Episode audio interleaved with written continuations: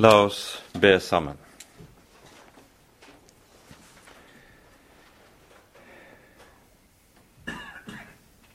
Kjære gode Gud, Hellige Far. Så takker og lover vi deg at vi skal få lov til å komme sammen om ditt ord. At du har lovet selv å møte oss i og ved ditt hellige ord. Derfor ber vi deg, gode Herre, at du vil komme med din Hellige Ånd og gi oss lydhørhet for Ordet, for at Ordet kan få trenge inn og gjøre sin gjerning hos oss, og at vi kan lære deg sant og rett å kjenne. Fri oss, Herre, du, fra de mange ting som vil dra hjerte og tanker bort fra det ene nødvendige. For at vi, Herre, må lære å frykte deg alene. Herre, kom du, se til oss slik du har lovet, for Jesus skyld. Amen.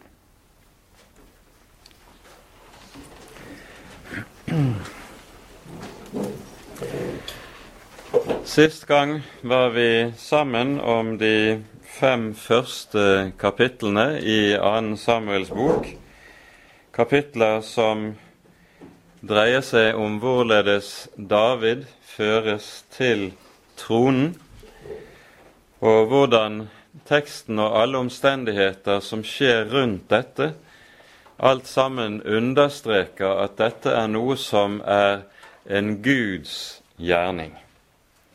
David behøver ikke å gjøre noe annet enn å bie på Herren, og så fører Herren de ulike begivenheter slik at han, når tiden er der, kan bestige den tronen som Gud hadde utvalgt ham til og salvet ham til så mange år forut for dette. Og så er det tydelig og klart både for Davids eget vedkommende og for hele Israel at dette er Guds gjerning. Det er ikke David som med egne anstrengelser, egne krefter, egne tiltak har lykkes i ambisjoner som han har satt seg. Det er Herren som fører dette frem og Derfor er det vi leser også som vi gjør det i det femte kapittel, i det tolvte verset. David forsto at Herren hadde stadfestet hans kongedømme over Israel, og at han hadde hevet hans rike høyt for sitt folk Israels skyld. På denne måten så blir det klart for alle som kunne se at dette som nå tar form i Israel, det riket som nå dannes, det er noe som er skapt av Gud. Og den tiden som nå ligger foran, med David som konge over hele Israel, i dette får vi likesom legemliggjort det ideale Israel i gammeltestamentlig forstand, samtidig som dette ideale Guds rike med sin ideale konge er forbildet på det som en gang skal komme, på Han som en gang skal komme. Dette er det da noe av det vi hører om i de kapitler som følger. I kapittel 6 hører vi om hvorledes David beslutter å føre paktens ark til Jerusalem, som nå er blitt hovedstad for det samlede Israel. Paktens ark har så å si på dette tidspunkt vært i landflyktighet i vel 70 år. Og med landflyktighet mener vi at paktens ark ikke har stått der den hørte hjemme, nemlig i tabernaklet.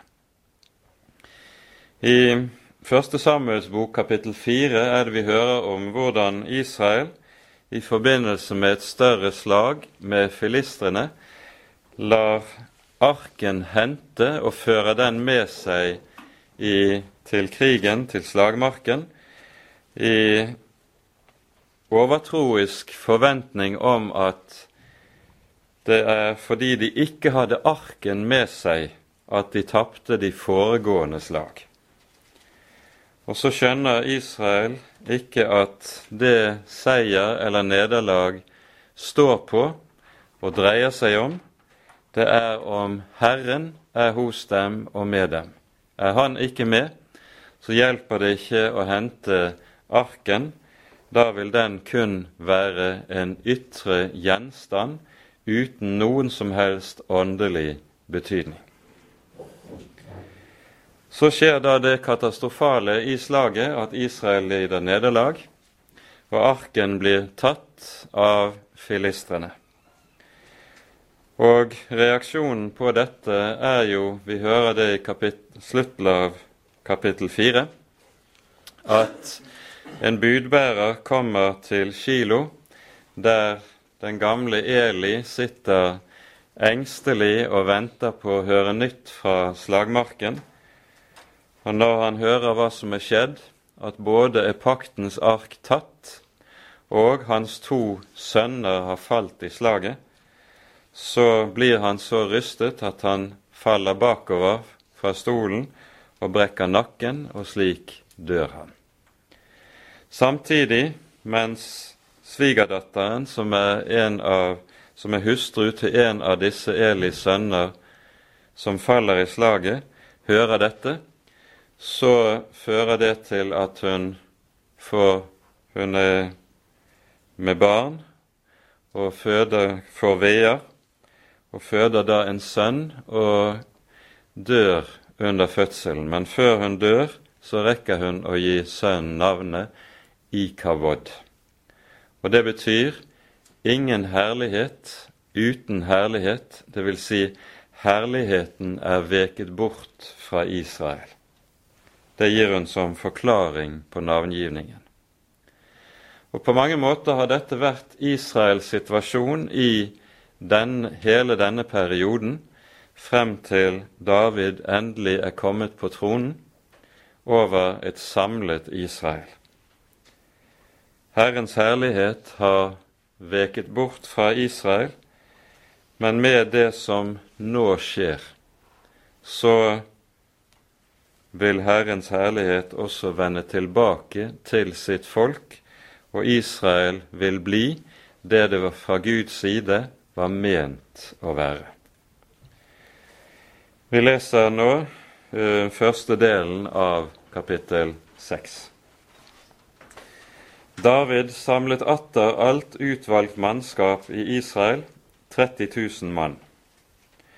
Og David og alt folket som var hos ham, tok ut og dro fra, fra Baalei Juda for å føde, føre Guds ark opp derifra, den som kalles med Herrens navn, med Herrens, herskarenes Guds navn, han som troner over kjerubene. De satte Guds ark på en ny vogn og førte den bort fra Abinadabs hus som lå på haugen, og Ussa og Ajo, Abinadabs sønner, kjørte den nye vogn. Således førte de Guds ark bort fra Abinadabs hus, som lå på haugen og fulgte med den, og Ajo gikk foran arken. Og David og hele Israels hus lekte for Herrens åsyn til alle slags strengelek av sypresstre, både sitarer og harper og trommer og bjeller og symbler. Da de kom til Nakors treskeplass, rakte Ussa sin hånd ut og tok fatt i Guds ark, for oksene var blitt ustyrlige. Da opptentes Herrens vrede mot Ussa, og Gud slo ham der for hans forseelse, så han døde der ved Guds ark. Men David ble ille til mote fordi Herren hadde slått Ussa ned. Derfor er dette stedet blitt kalt Perets Ussa like til denne dagen.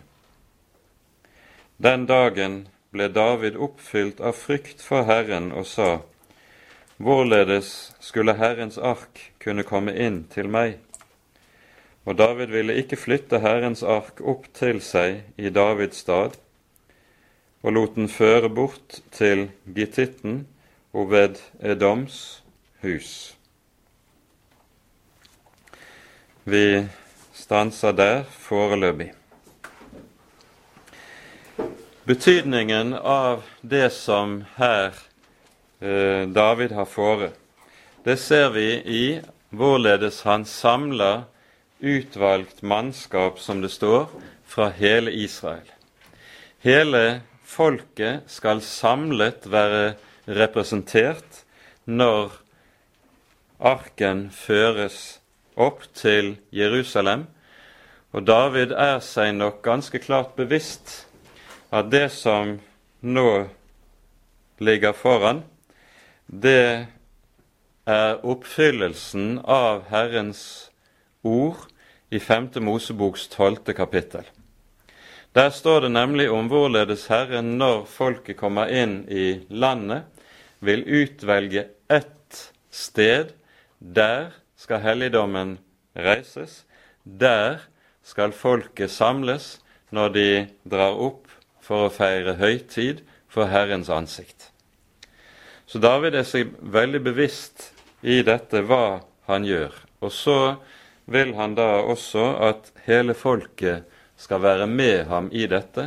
Dette er så, så å si en rikssak der folket skal fremtre som det det er, Herrens folk, som samles for Herrens åsyn.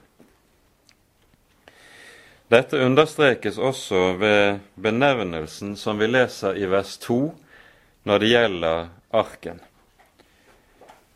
Vi hører her det sies 'den som kalles med Herrens navn', med Herrens, herskarenes Guds navn, Han som troner over kjerubene.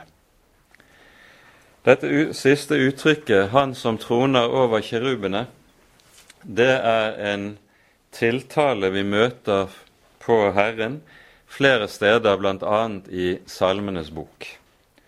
Og det refererer seg til det vi leser i 2. Mosebok om innredningen av tabernaklet og gjenstandene i tabernaklet. Der er det jo slik at på arken hvilte nådestolen, som var et lokk av massivt gull. Og i nådestolen, eller sammen med nådestolen, var det laget, støpt, to kiruber som likeledes var av rent gull. Og så lover Herren sitt folk der at han vil møte sitt folk og tale sitt til sitt folk der fra nådestolen mellom kjerubene. Og det er derfor denne benevnelsen altså skriver seg at Herren kalles Han som troner over kjerubene. Dette er også bakgrunnen for det vi hører om Guds trone i Esekiel-bokens første kapittel, der vi hører om kjerubene som er de engler, tronengler, de som bærer Herrens trone. Men eh, vi skal ikke bruke mye mer på det, tid på det. Så gir de seg da av sted for å føre Herrens ark opp. Av parallellen i første krønikebok så ser vi at David har latt der skje grundige forberedelser i forkant av dette.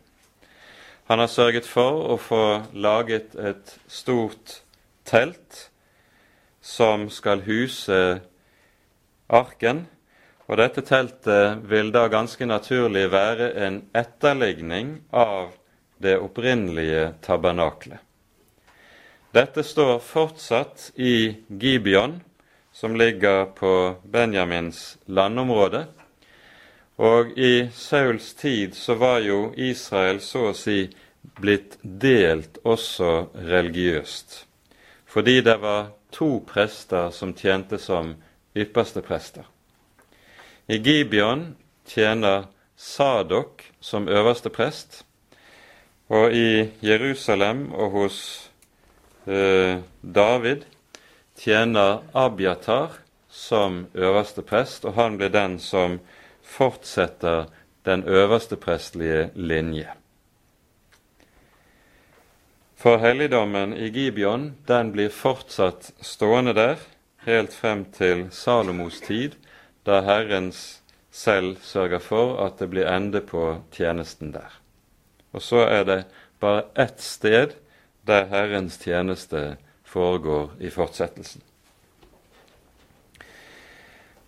Det er mange som undrer seg over det vi her leser. Hvordan kan dette ha seg at når disse nå vil føre Herrens pakts ark opp, og dette skjer med jubel og lovsang, en er seg bevisst at dette er oppfyllelse av Guds eget ord, hvordan kan det så ha seg, dette at Herrens vrede opptennes, som det står, og Ussa så dør for Herrens åsyn? Og vi hører at David altså fylles med angst med frykt for Herren fra denne dagen av. Hvordan kan dette ha seg? Hva henger dette sammen med? Det henger sammen med at når nå Herrens helligdom og den rette gudstjeneste for Guds ansikt nå skal gjenreises, da er det meget nøye at dette også skal skje etter Herrens eget ord. Og Herren har i Mosebøkene gitt meget nøye befalinger om hvorledes det skal gå til når bl.a. paktens ark skal føres fra sted til sted. Den skal bæres av levittene på stenger som, av gull som er stukket igjennom ring, ringer som skal bære vekten av arken. Og den skal være nøye tildekket av flere lag av både tøy og av skinn, for at ikke noen del av arken skal sees.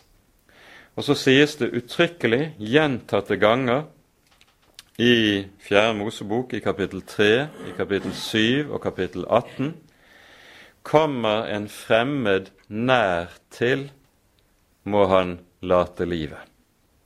Altså kommer en som ikke er prest, i berøring med de hellige gjenstander, så vil det medføre døden.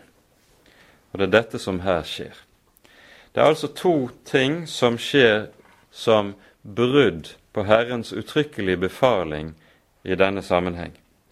For det første føres arken opp på en oksekjerre i stedet for at den bæres av Herrens prester. Og for det andre så rører en mann som ikke er dertil kallet og satt ved arken, og så skjer det etter Herrens ord, kommer en fremmed, altså en som ikke er satt til en slik tjeneste nær til, da må han dø. Det det dreier seg om i denne sammenheng, er at alt som har med Israels helligdom å gjøre, er en anskuelsesundervisning om én grunnleggende hovedsak, nemlig at den, den Gud som er Israels Gud, han er den hellige. Og å ha med den hellige Gud å gjøre, det er, for å bruke et menneskelig uttrykk, det er farlig. Allerede på syndefallets dag så har hadde Herren gjort klart hva synd innebærer. Det var jo sagt til Adam og Eva om dere eter av treet, da skal dere visselig dø. Og på fallets dag så kommer døden inn som den makt som hersker over mennesket videre. Og så vises mennesket ut fra hagen. For så stenges adgangen til livets tre. Og hvem er det som stenger, som vokter adgangen til livets tre?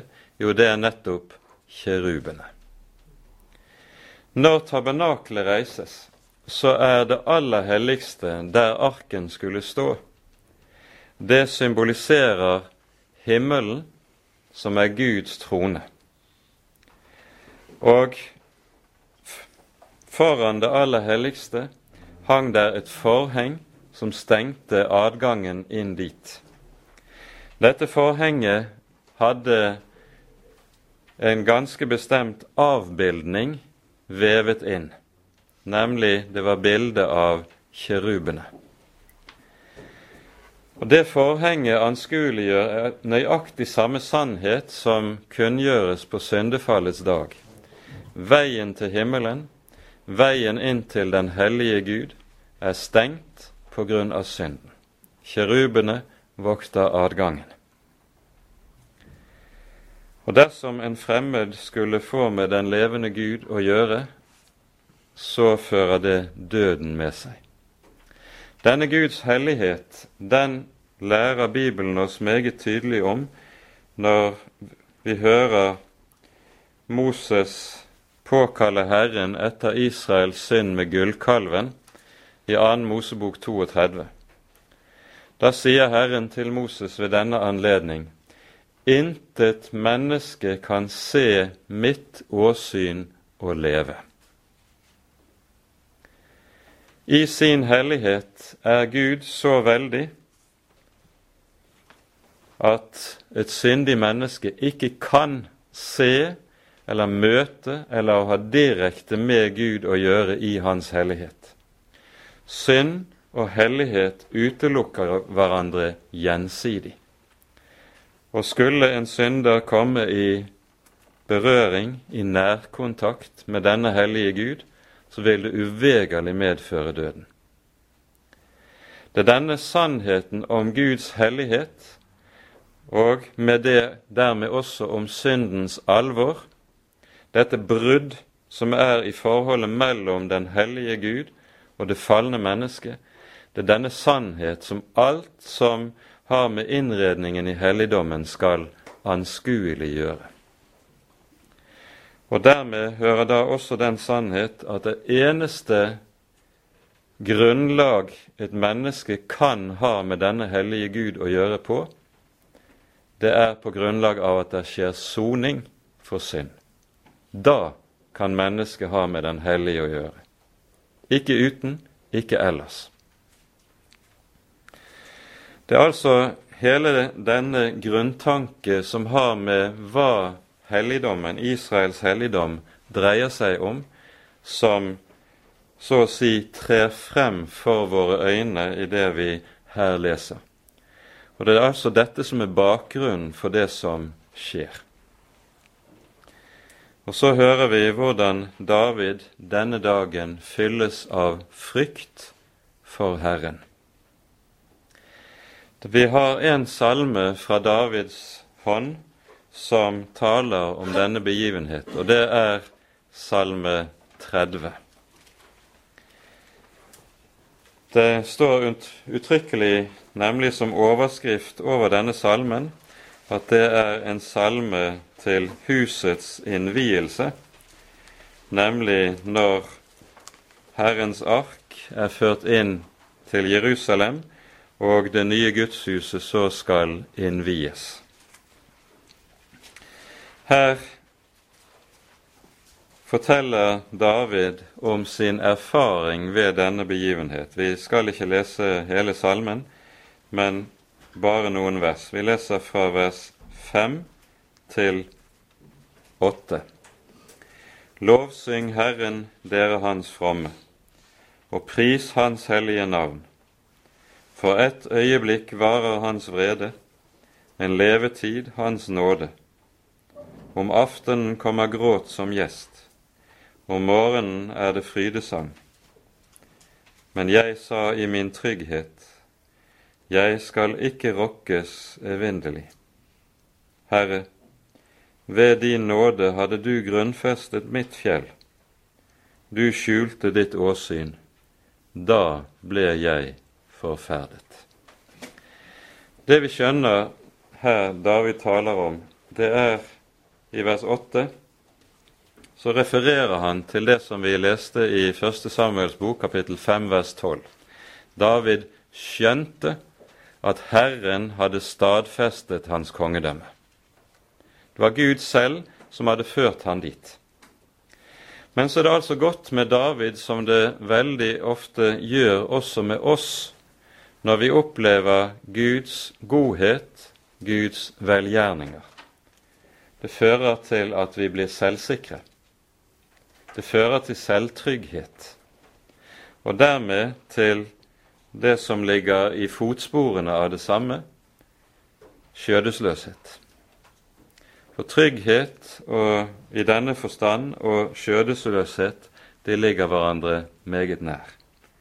Og så var David altså ikke lenger så nøye med Herrens ord, det som sto skrevet. Så står det du skjulte ditt åsyn, da ble jeg forferdet. Det er det han opplever når Ussa faller der for Herrens åsyn. Og så sies det om David ved denne anledning da ble David fylt av frykt for Herren.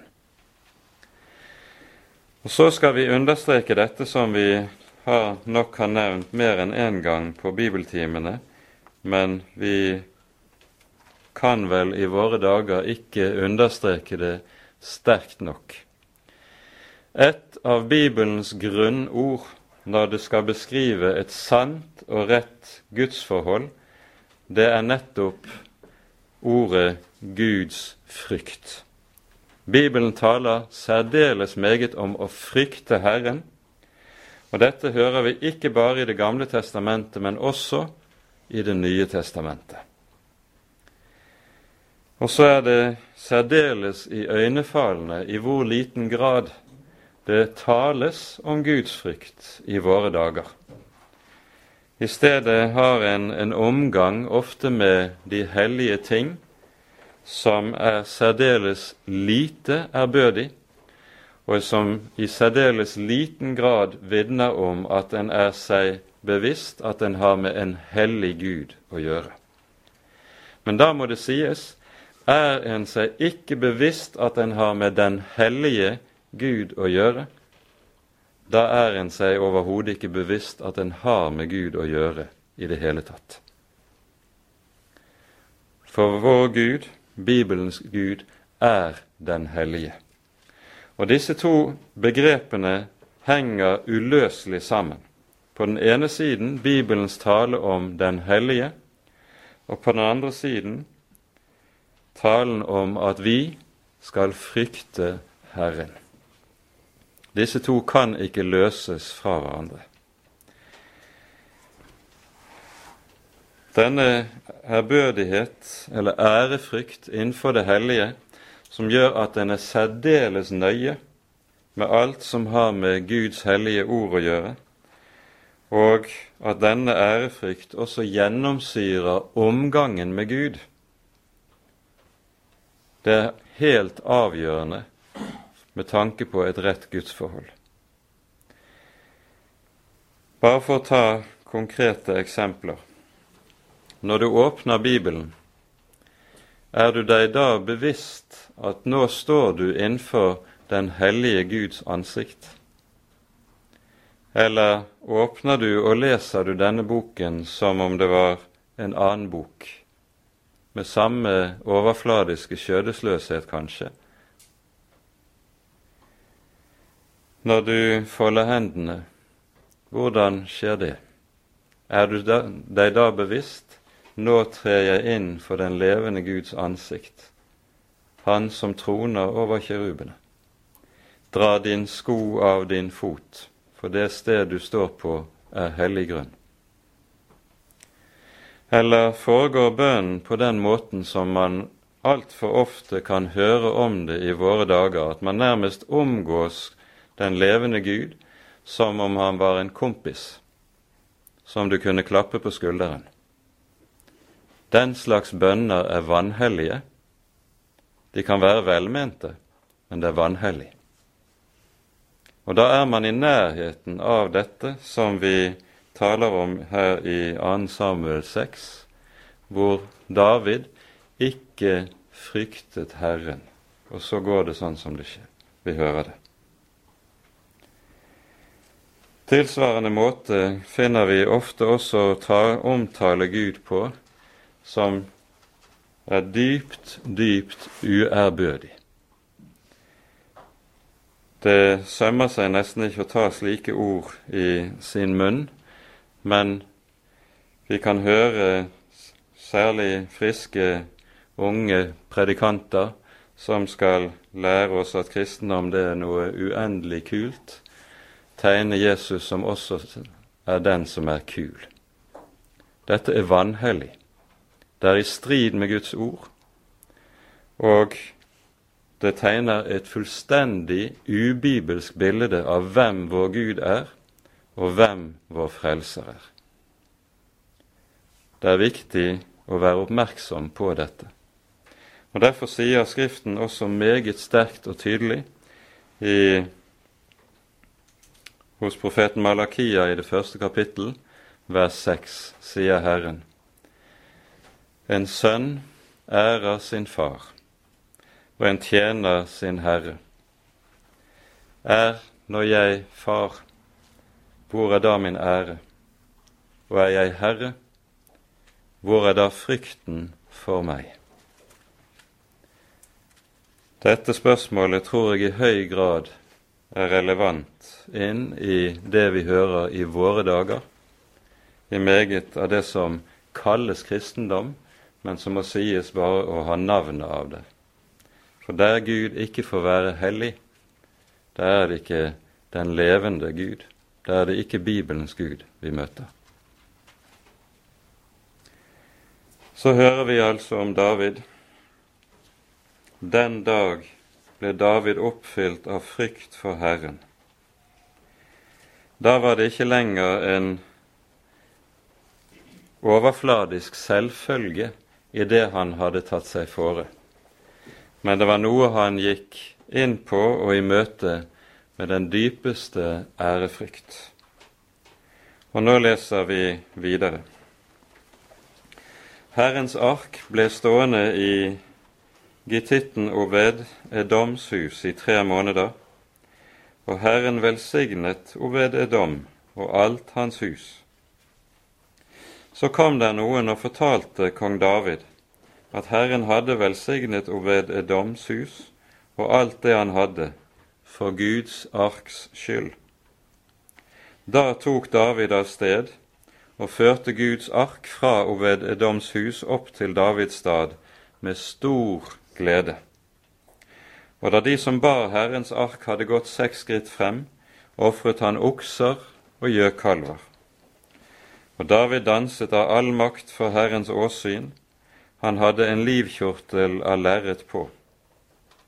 Således førte David og hele Israels hus Herrens ark opp med fryderop og basunklang.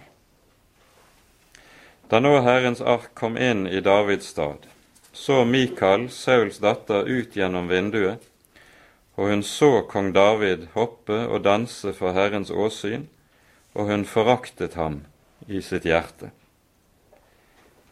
Så førte de da Herrens ark inn og satte den på sitt sted midt i det telt som David hadde reist for den. Og David ofret brennoffer for Herrens åsyn og takkoffer. Og da David var ferdig med å ofre brennoffer og takkoffer, velsignet han folket i Herrens, herskarenes Guds navn og han utdelte til alt folket, til hver enkelt av hele Israels mengde, både mann og kvinne, et brød og et stykke kjøtt og en rosinkake. Så dro alt folket hjem til sitt hus. Nå ser vi altså at det hele skjer på den, den måten som Herren har foreskrevet i sitt ord. Da tror jeg vi skal hoppe til første krønikebok, der vi hører noe mer utfyllende om det som her skjer. Første krønikebok, kapittel 15.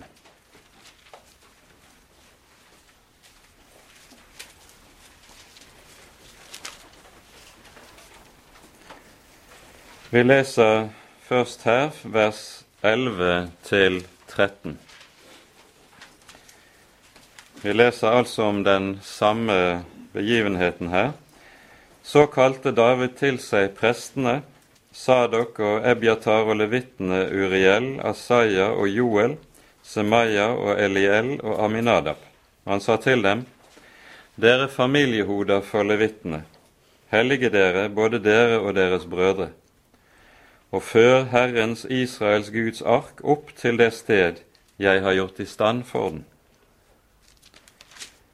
Det var fordi dere ikke var det var fordi dere ikke var med første gang at Herren vår Gud brøt inn blant oss, for vi søkte ham ikke på rette måte.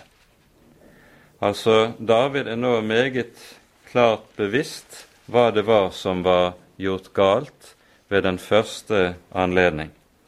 Og Derfor leser vi i vers 2 i dette kapittelet av David sier Ingen skal bære Guds ark uten levittene, for dem har Herren utvalgt til å bære Guds ark og til å tjene ham for alle tider. Jf. 4. Mosebok kapittel 4, der det står nøyaktige forskrifter for dette.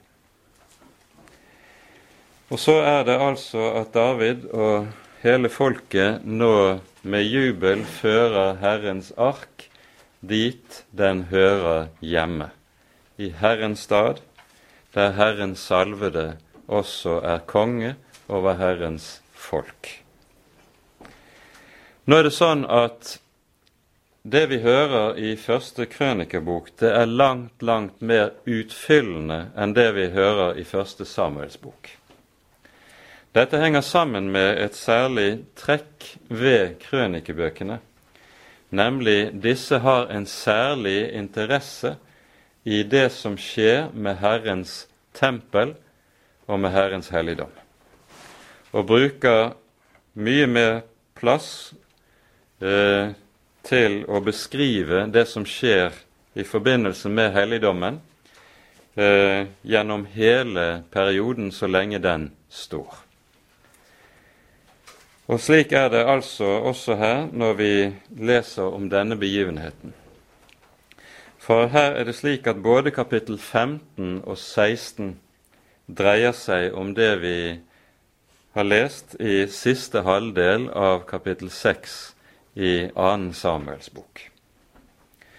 For det som David nå gjør, det er ikke bare å føre arken opp til Jerusalem men han innretter og ordner gudstjenesten i Israels folk med ikke bare den forordnede offertjeneste som var foreskrevet i Mosebøkene, men med sangtjenesten og musikken som hører til. Og Dette hører vi altså nærmere omtalt her i kapittel 15 og kapittel 16. David kalles jo i 2. Eh, Samuels bok kapittel 23 for Israels livlige sanger. Ved, ved Guds ånd så dikter han salmer, og han er en begavet dikter, og han er en begavet sanger. Han har det som i Andre Mosebok kalles for kunstnergave på dette området. 72 av salmene i Salmenes bok er fra Davids hånd. Og disse har det med seg at det er salmer som er både for personlig bruk, gitt med tanke på at de skal brukes i vårt personlige bønneliv, Og dernest at det er salmer som er gitt til liturgisk bruk. De skal altså brukes i den offentlige gudstjenesten, i lovsangen i Herrens helligdom. Og David hører vi nå om hvorledes han innretter lovsangen, tilbedelsen og liturgien i helligdommen. Kapittel 15 og 16 er viktig her i denne sammenheng. Her møter vi foreløpige antydninger om dette. Mer utfyllende hører vi om det senere henimot slutten av første krønikebok. Vi skal ikke gå nærmere inn på det nå. Vi bare peker på et par saker. Vi leser litt videre i eh, kapittel 15 her. Vi leser fra vers 15, eller vers 14. Da helliget prestene og levittene seg for å føre Herrens Israels ark opp. Og levittenes barn bar Guds ark på sine skuldre ved hjelp av bærestengene, således som Moses hadde påbudt etter Herrens ord. Så bød David de øverste blant levittene at de skulle stille sine brødre sangerne frem med musikkinstrumenter, harper, sitarer og symbler, som de skulle spille på i det, de lot gledesangen tone. Da stilte levittene frem Heman, sønn av Joel, og av hans brødre Asaf, sønn av Berekja, og av deres brødre Meraris barn Etan, sønn av Kosaya, og sammen med dem deres brødre av annen rang. Eh, så hopper vi over alle navnene og leser eh, fra slutten av vers 21. Han satte Asaya på sitara etter Shemenitt for å lede sangen. Kenaya, levittenes sangmester, underviste i sangen, for han var kyndig i det. Og Legg merke til dette. Det David her gjør, det er at han innretter en offentlig gudstjeneste, en offentlig tilbedelse med den tilhørende liturgi. Han sørger for at det gis sang og musikkundervisning, slik at de som eh, forestår gudstjenesten i Herrens helligdom, det er slike som har fått tilstrekkelig undervisning, at de er kyndige i dette. Det går altså ikke på slump, men David legger den største vekt på at dette er noe som det skal bæres omsorg for. Alt skal være til Herrens ære. Og da skal ikke noe skje på slump. Vi leser videre fra begynnelsen av kapittel 16. Så førte de Guds ark inn satte den midt i det telt som David hadde reist for den, og de bar frem brennoffer og takkoffer for Guds åsyn. Og da David var ferdig med å ofre brennoffer og takkoffer, velsignet han folket i Herrens navn. Og han utdelte til hver enkelt i Israel, både mann og kvinne, et brød og et stykke kjøtt og en rosinkake, og han satte av levittene til å gjøre tjeneste foran Herrens ark, og til å prise og takke og love Herren Israels Gud. Asaf var den øverste. I vers 4 her så møter vi tre ulike uttrykk som brukes for å betegne sangen i helligdommen. Og Dette er tre meget viktige uttrykk. Eh, og Grunnbetydningen av disse ordene i den hebraiske teksten kommer ikke godt frem i våre bibler. Det er slik at det første ordet som her er oversatt med 'å prise', det er et ord som brukes om å gjenfortelle Herrens velgjerninger. Altså i lovprisningen som foregikk i helligdommen, så skulle det synge salmer som talte om Herrens veldige gjerninger, det være seg i skapelsen, f.eks. Salme 104 taler om det, men aller mest til frelse. Det er en rekke av salmene i Salmenes bok som minner om Herrens frelsesgjerninger, ganske særlig i forbindelse med utgangen av Egypt. Altså Salmene har dette som sin gjenstand. De taler om Guds veldige gjerninger. Det er sentrum. Salmene er det vi med et fint ord kaller for teosentriske. De taler om Herrens gjerninger, de taler ikke om våre gjerninger.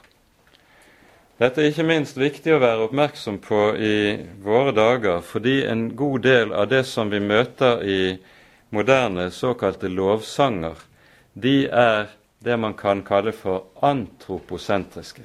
De er menneskesentrerte. De taler om hva vi skal gjøre. Vi skal elske. Vi skal tjene. Vi skal gjøre ditt eller gjøre datt. Det er jeg, jeg eller vi, vi i veldig stor utstrekning. I Salmenes bok så ser du altså noe helt annet. Det er Herren og Hans veldige gjerninger som står i sentrum. Og Det er dette som gir seg ved det første uttrykket som brukes her i grunnteksten. Det andre uttrykket er riktig oversatt. Det betyr å takke. Takken det er noe som stiger fra en som har fått en stor gave. Og Når folket skal stå for Herrens åsyn som et folk som takker ham, så står de der som det folk som har fått del i Herrens usigelige godhet, usigelige gave. Og så lyder takken. Lovet være du som forløste oss. Lovet være du som forløste meg. Og Her er det både den personlige, det enkeltes takk som skal stige opp, samtidig som det er den felles, det er hele Guds folk sin felles takksigelse som skal lyde. For det tredje så brukes altså det hovedordet som brukes for å lovprise i Bibelen, og som vi altså finner igjen i svært, svært mange av de salmene som var tiltenkt bruk i helligdommen. Og Her må vi føye til en sak som er viktig i eh, møte med mye av det som vi også er vant til i våre dager. Gudstjenesten i tempelet var en liturgisk gudstjeneste. Det vil si, hele ordningen for gudstjenesten var fast foreskrevet, og de bønner, de sanger som skulle synges, det var sanger og salmer og lovsanger som var gitt i Guds hellige ord. Vi er jo vant til å tenke som så at frie bønner, det er mer høyverdige, noe som er mer høyverdig enn fast formulerte bønner der man ber noe som er gitt en på forhånd. Dette er ikke i tråd med Guds ord. Å lage et sånn motsetningsforhold mellom fri bønn og fast bønn, det er rett og slett i strid med Guds ord. Man vet positivt når det gjelder den første kristne gudstjeneste, at den fortsatte denne måten å tenke om gudstjeneste på som vi hører om i tempelet. De første kristne brukte en liturgi som hadde som grunnstamme som ryggrad Davids salmer etter forbilde og mønster av det som foregikk i tempelet. Og Slik var det oppover gjennom de alle kristne århundrer helt frem til reformasjonen. Det er først Calvin som med reformasjonen i Genéve kasta ut all fast ordning og gudstjeneste og liturgi og vil ha dette som da kalles for frie bønner. Luther på sin side, han vil helt målbevisst beholde Salmenes bok og liturgien som en fast del av det kristne gudstjeneste og bønneliv. Sånn at den, det, den tanke om de frie bønner, at det er mer høyverdig enn fast formulerte bønner og faste ordninger for gudstjeneste. Det er noe som altså skriver seg fra kalvinsk tradisjon, ikke luthersk tradisjon. Og Kirkehistorisk er det altså såpass nytt at det skriver seg fra 1500-tallet. Eh, de første kristne og de, den kristne kirke helt frem til 1500-tallet brukte den faste, ordnede ordning for bønn og liturgi som man altså finner begynnelsen til i Bibelen, i det David innretter her i allerede 1000 år før Kristus. Det fins ingen større gave enn det at når jeg ber, så skal jeg få lov til å be Guds ord. Å be med Guds ord er noe langt større enn bare å be med egne ord. For når vi i romerbrevet leser om hvordan det står at når vi ikke vet hva vi skal be om, kommer Ånden vår skrøpelighet til hjelp, så tenkes det bl.a. i den sammenheng at den måten Ånden kommer vår skrøpelighet til hjelp på, det er at han legger oss Guds eget ords bønner i munnen. Og så skal vi få be med Guds ord når våre ord blir for fattige. Det betyr ikke at vi ikke skal kunne be med å bruke frie bønner, men dette er en del av det personlige bønnelivet som også alltid skal høre med. Men jeg sier dette for å understreke det grunnleggende at vi må aldri lage et motsetningsforhold mellom frie bønner og fast ordnet bønn og liturgi, så sant denne liturgi er i samsvar med og gir rom for Guds ord. For det er det liturgi skal være. Det skal ikke være noe annet enn at vi ber Guds ord, rett og slett. Nok om det. Når David nå har ordnet og innrettet alt, vi skjønner altså at til forberedelsen av at arken skal føres inn i Jerusalem, hørte ikke bare å gjøre i stand de rent ytre forhold med et nytt tabernakel osv., men det er også forordninger for gudstjenesten som er gjort i stand, en forordning som medførte bl.a. også at det ble startet utdannelse av de som skulle stå for tempelmusikken og tempelsangen. Når David nå har samlet hele folket, og etter at arken er ført inn til byen, så leser vi en lovsang i kapittel 16 i første krønikabok, som kanskje er en av de rikeste og herligste lovsangene i hele Bibelen. Deler av denne lovsangen som David her synger, den finner vi igjen i Salmenes bok i ulike salmer. Så det er tatt fra denne salmen og plassert inn i andre salmer i Salmenes bok, mens her er den samlet i sin helhet. Vi kan også legge merke til når det gjelder det vi hører på slutten av det som sies om lovsangen her, fra vers 34 til vers eh, 36, så står det 'Lov Herren, for Han er god'. Hans miskunnhet varer til evig tid. Og så står det 'Og si'. Frels oss, du vår frelses Gud, og samle oss og utfri oss fra hedningene til å love ditt hellige navn. Rose oss av å kunne prise deg. Da peker dette på at lovsangen foregikk slik at det var vekselsang mellom levittene som ledet sangen, og folket som altså svarte. Og vi hører da et av disse menighetssvarene i det som vi leser i vers 35, når det står 'og si'. Eh, tilsvarende finner vi langt mer av dette i andre sammenhenger i eh, både Krønikeboken og Salmenes bok, men det er det ikke tid for å stanse opp for. Vi leser nå litt fra denne salmen.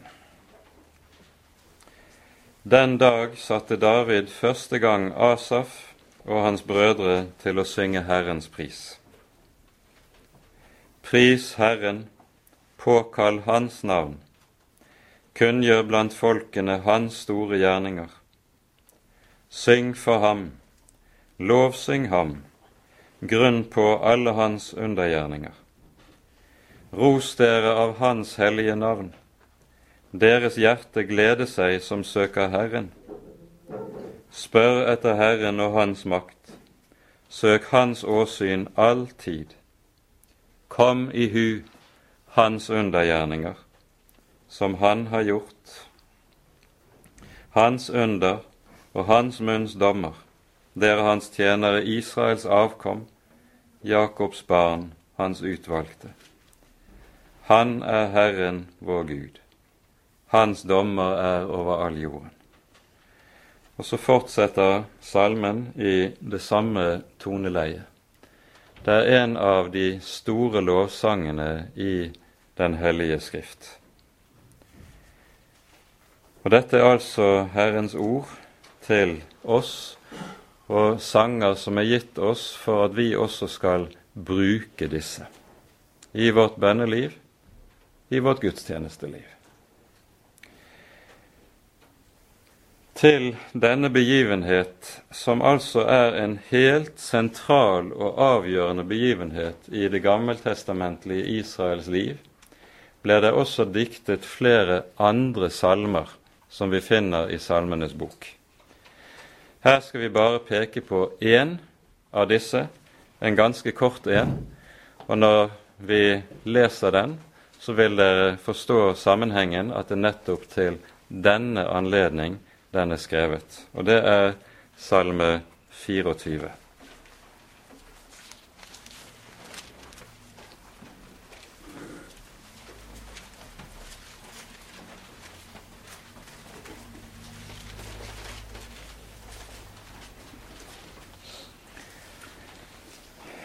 Jorden hører Herren til, og alt som fyller den, jorderiket og de som bor der. For han har grunnlagt den på hav, stilt den fast på strømmer. Hvem skal stige opp på Herrens berg? Hvem skal stå på Hans hellige sted?